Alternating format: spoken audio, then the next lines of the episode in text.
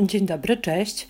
E, dzisiaj przychodzę do Was z pięcioma powieściami, za pomocą których przeniesiecie się chociaż na moment do różnych krajów, bo będą, będzie to Afganistan, Portugalia, Niemcy, Francja, a także Szwecja, Turcja i Anglia, więc jest tego sporo, a książek jest tylko pięć.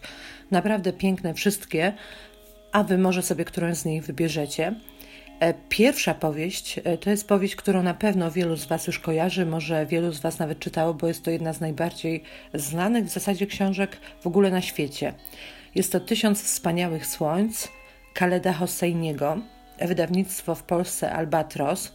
E, ja miałam stare wydanie, była to nasza lektura na dyskusyjnym klubie książki, ale wiem, że w połowie 2017 Albatros na nowo wydał tą książkę z nową okładką. O czym jest ta książka? Jest to kronika 30 lat historii Afganistanu i przede wszystkim opowieść o dwóch kobietach, e, dwóch żonach jednego mężczyzny. Pierwsza z nich to Mariam, która miała 15 lat, kiedy została wysłana e, do Kabulu, żeby zostać żoną Rashida. A po latach druga bohaterka, zupełnie inna od tej pierwszej, ambitna i wykształcona Leila, też zostaje jego żoną. E, na początku kobiety są wobec siebie bardzo nieufne, e, zwłaszcza ta pierwsza żona Mariam w stosunku do tej drugiej młodej Leili, ale z biegiem czasu zaprzyjaźniają się i postanawiają wspólnie o siebie zawalczyć. Ja pamiętam, że jak dostałam tą książkę e, z klubu do przeczytania, to jakoś pomyślałam, że to chyba nie będą moje klimaty, bo ani ten Afganistan mnie nie interesuje. Po opisie wydawało mi się to wszystko jakieś takie błahe, a tymczasem jest to jedna z lepszych książek, jaką w ogóle czytałam. No cóż, okazało się, że no, jeżeli DKK to trzeba przeczytać i wpadłam naprawdę kompletnie. Nie mogłam się nawet na moment oderwać od tej książki. Mm. I od tego momentu, kiedy właśnie ją przeczytałam, kiedy stała się jedną z tych moich książek, polecam ją dosłownie wszystkim, bo jest to poruszająca, przepiękna, pełna czułości opowieść o afgańskich kobietach, czyli w ogóle o kobietach, o ich sile, o ich zwątpieniach. Też jest to książka oczywiście o świecie, o świecie tak bardzo innym od naszego świata. O wojnie, rodzinie, przemocy, miłości, nadziei i braku. No wszystko, wszystko, co czasem w życiu nas dotyka, w tej książce jest. W końcu o życiu i o śmierci. Ja uważam osobiście, że każdy powinien tę książkę przeczytać. Naprawdę jest przepiękna i nie wahajcie się, jeśli nie czytaliście. Jeżeli ktoś myśli właśnie, że to też nie dla Was, to zaufajcie, przeczytajcie. I w ogóle potem czytałam też inne książki z tej części świata i muszę stwierdzić, że oni mają tam jakiś taki niebywały dar opowiadania, naprawdę. To tak jak takie baśnie z Tysiąca i Jednej Nocy. Pięknie się to e, snuje, piękne słowa, w piękny klimat nas wprowadza. Więc bardzo e, te Tysiąc Wspaniałych Słońc Wam polecam. E, a teraz przeniesiemy się do Portugalii. Książka nosi tytuł Nocny pociąg do Lizbony, a autorem jest Pascal Merci. E, w Polsce wydało Noir Sorbon. E, I ja też czytałam po pierwsze z dyskusyjnego klubu książki, więc widzicie, warto do tych klubów dołączyć. I to było stare wydanie, ale też wiem, że na nowo w połowie 2018 znów ta książka wyszła. O czym ona jest? E, główny bohater książki, Raymond Gregorius, jak co dzień idzie do szkoły, w której od wielu lat uczy języków klasycznych. Po drodze na moście, na moście widzi piękną nieznajomą, która szykuje się do samobójczego skoku. Udaje mu się jakoś przekonać, żeby jednak nie skoczyła. A potem idzie do antykwariatu i tam wpada mu w ręce książka portugalskiego autora – Amadeo de Prado. I pod wpływem tych dwóch okoliczności, czyli tej kobiety na moście i tej książki, którą udało mu się znaleźć, ten samotny intelektualista e, już w średnim wieku w jednej chwili naprawdę porzuci swoje dotychczasowe, uporządkowane, takie nudne w sumie życie, bo nieoczekiwanie w połowie lekcji wstaje i wychodzi ze szkoły.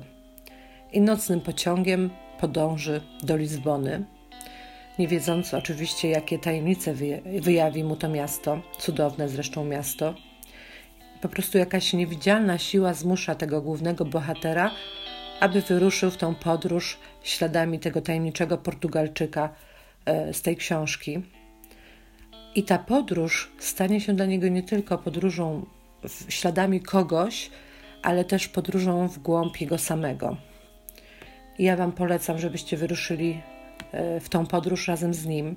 Nie będziecie żałować. Tyle powiem o fabule. Co będzie dalej, oczywiście przekonacie się, gdy postanowicie przeczytać tą książkę. Ale co Wam mogę jeszcze powiedzieć, że według mnie słowo powieść e, to słowo, które naprawdę zobowiązuje. I równocześnie jest to słowo, które e, moim zdaniem skromnym, zwłaszcza ostatnio, jest często nadużywane. Bo coraz mniej jest książek, które powinny nosić to miano, miano powieści. Coraz mniej pisarzy według mnie, którzy piszą powieści. A nocny pociąg do Lizbony jest powieścią. Jest przepiękną podróżą, jest przygodą. Ma przepiękny klimat, który nas otula, zachłannie kradnie nam czas i w zamian naprawdę dużo nam daje. Coraz rzadziej zdarza mi y, być, się być oczarowaną przez y, słowa. W tym przypadku jak najbardziej byłam.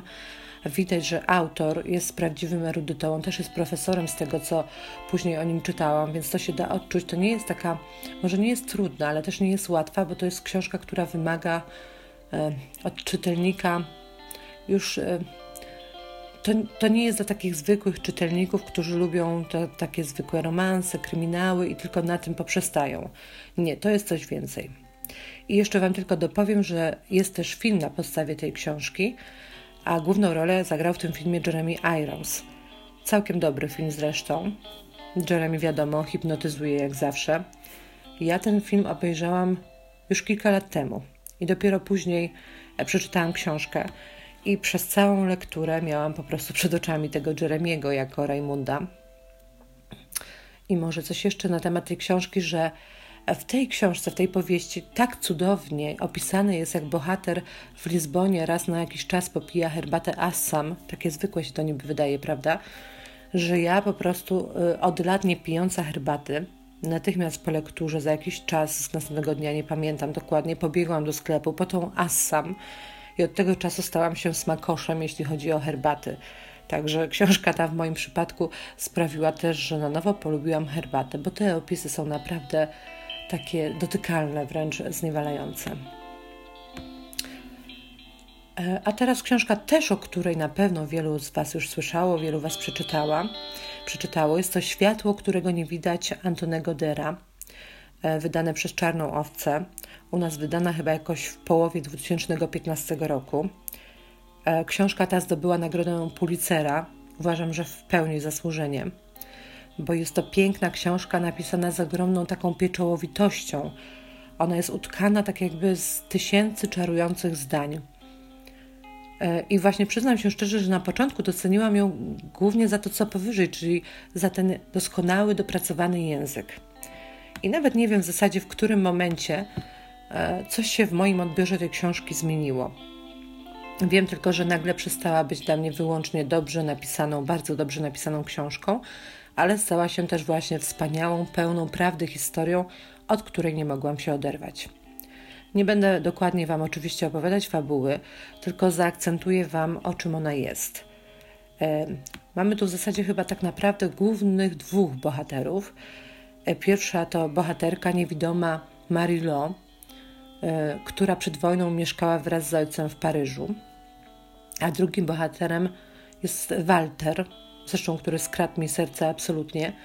Jest to chłopiec sierocińca, który za sprawą swoich zdolności trafił do elitarnej wojskowej szkoły dla niemieckich chłopców, którzy mają w przyszłości służyć Wielkiej Rzeszy.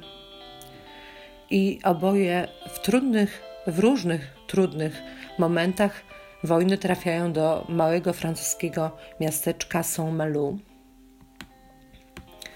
E, w książce obok tej, tej dziewczyny i chłopaka mamy też wiele innych bardzo ciekawie zarysowanych postaci. E, na wszystkich tych bohaterów wywrze oczywiście wpływ ta okrutna wojna, wojna, która złamie mnóstwo niewinnych istnień. W książce też jest wiele pomniejszych, takich wewnętrznych opowieści, bo nie jest to tylko właśnie historia tej dziewczyny i chłopca, ale są piękne takie, takie małe, drobne opowieści, na przykład o starej audycji radiowej dla dzieci, czy o legendarnym cennym kamieniu. Dla tych krótkich, e, pobocznych opowieści też tą książkę naprawdę warto przeczytać. Nie będę Wam więcej mówić, bo tak jak mówię, na pewno wielu z Was słyszało, być może wielu czytało. Ci, którzy nie czytali, ja po prostu zachęcam, żeby po nią sięgnąć. I zostały nam jeszcze dwie książki. E, pierwsza książka, myślę, że aktualna, zwłaszcza dzisiaj w Polsce. Jest to książka pod tytułem Nigdy nie ocieraj łez bez rękawiczek. Miłość. Dopisek Miłość. Autorem jest Jonas Gardel. E, jest to pierwszy tom cyklu właśnie Nigdy nie ocieraj łez bez rękawiczek. W sumie są trzy części. E, ta, o której będę Wam mówić, to właśnie ta miłość. Tom drugi ma dopisek choroba, a tom trzeci ma dopisek śmierć. E, wydana jest przez WAB. Ja przeczytałam tylko tą pierwszą część, a to tylko dlatego, że po prostu kolejne bardzo trudno kupić. Jest to praktycznie cud, żeby je dostać. I to są wydania z 2014 roku, te wszystkie trzy części. Wiem też, że dużo osób szuka je na różnych forach książkowych i tak dalej, więc może, drogie WAB, wartałoby pomyśleć o nowym wydaniu, bo myślę, że, że wiele osób by się bardzo ucieszyło. E, ta książka to opowieść o rodzącym się uczuciu, o poszukiwaniach zakończonych takim cudownym odnalezieniem. E, jest to książka z nurtu LGBT, bo mamy dwóch zupełnie innych chłopców. E, pierwszym z nich jest Razmus, który pochodzi ze wsi, a drugi to Benjamin, wierny sługa Jehowy. To tych dwóch młodych gejów połączy nić uczucia, które zapewne tej drugiej części trylogii zamieni się w ogromną miłość. Jest to piękna historia, w której raz po raz pojawia się ogromny smutek, bo gdzieś w niedalekiej przyszłości kryje się ta okropna, śmiertelna choroba, ten wróg, którego nie sposób pokonać, czyli, jak się domyślacie słusznie, zapewne AIDS. I poza historią tego Razmusa, Beniamina i ich jakichś tam kilku znajomych, na przykład cudownego Pola, naprawdę świetny bohater, dowiadujemy się też wiele o sytuacji szwedzkich homoseksualistów w latach 80., bo autor tutaj przeskakuje w czasie od dzieciństwa obu chłopców po ich spotkanie w Sztokholmie, aby zaraz wpleść nam trochę faktów. I to bardzo taki udany zabieg, bo on naprawdę nie odbiera nam przyjemności czytania Jestem bardzo ciekawa dwóch kolejnych części, a jednocześnie tak naprawdę boję się ich, bo boję się tego przeraźliwego smutku, który zapewne w nich się pojawi. I ta książka Nigdy nie ocieraj łez bez rękawiczek to naprawdę bez wątpienia bardzo ważna książka. Warto ją przeczytać. I tak jak wcześniej powiedziałam, ona ma ten wątek LGBT, no też usłyszeliście o czym jest. Więc może właśnie dzisiaj, gdy występują jeszcze dla mnie zupełnie niezrozumiałe ataki na to środowisko, to może warto przeczytać, żeby dostrzec ci, którzy tam mają jakieś dziwne poglądy, że to są też normalni, zupełnie normalni ludzie, którzy kochają tak samo jak my, heteroseksualni ludzie. I ostatnia książka też tą książkę pamiętam, mieliśmy w, w, ramach dyskusyjnego klubu książki, więc ponownie warto do klubów dołączyć. E, tytuł tej książki to Honor. Autorką jest Elif Szafak. Wydawnictwo literackie. E, I cóż, tym razem mamy do czynienia z turecką książką. Autorka jest jedną z najbardziej znanych chyba na świecie tureckich pisarek. I honor to opowieść o, znów tu, tak jak był wcześniej Afganistan, tu też mamy dla nas, że tak powiem, egzotyczne miejsca i kultury, bo jest to opowieść o kurdyjsko-tureckiej rodzinie imigrantów, która mieszka od lat 70. w Londynie. I to jest bolesna dosyć książka, bo opisuje losy rodziny, na którą spadnie naprawdę niepojęta tragedia. To powieść tak naprawdę o miłości lub jej braku, o niezrozumieniu, o źle pojmowanej tradycji, o uczuciach gniewu, wstydu, o tej religii, która podsycana złymi myślami odbiera wolność kobietom, ale też unieszczęśliwia mężczyzn tak naprawdę. To w tej książce też jest pokazane. Więc jak widać są to ważne tematy. A z drugiej strony to po prostu ciekawa historia odmiennej nam kulturowo rodziny. Autorka nam opisuje zwyczaje, smaki, zapachy Kurdów i Turków, a także co też ważne dla nas, myślę, bo my teraz emigrujemy w różne części e, świata. proces przystosowywania się tak zwanych obcych do nowych warunków, w którym przychodzi im żyć. E, pokazuje próbę znalezienia sobie miejsca w tej nowej ojczyźnie.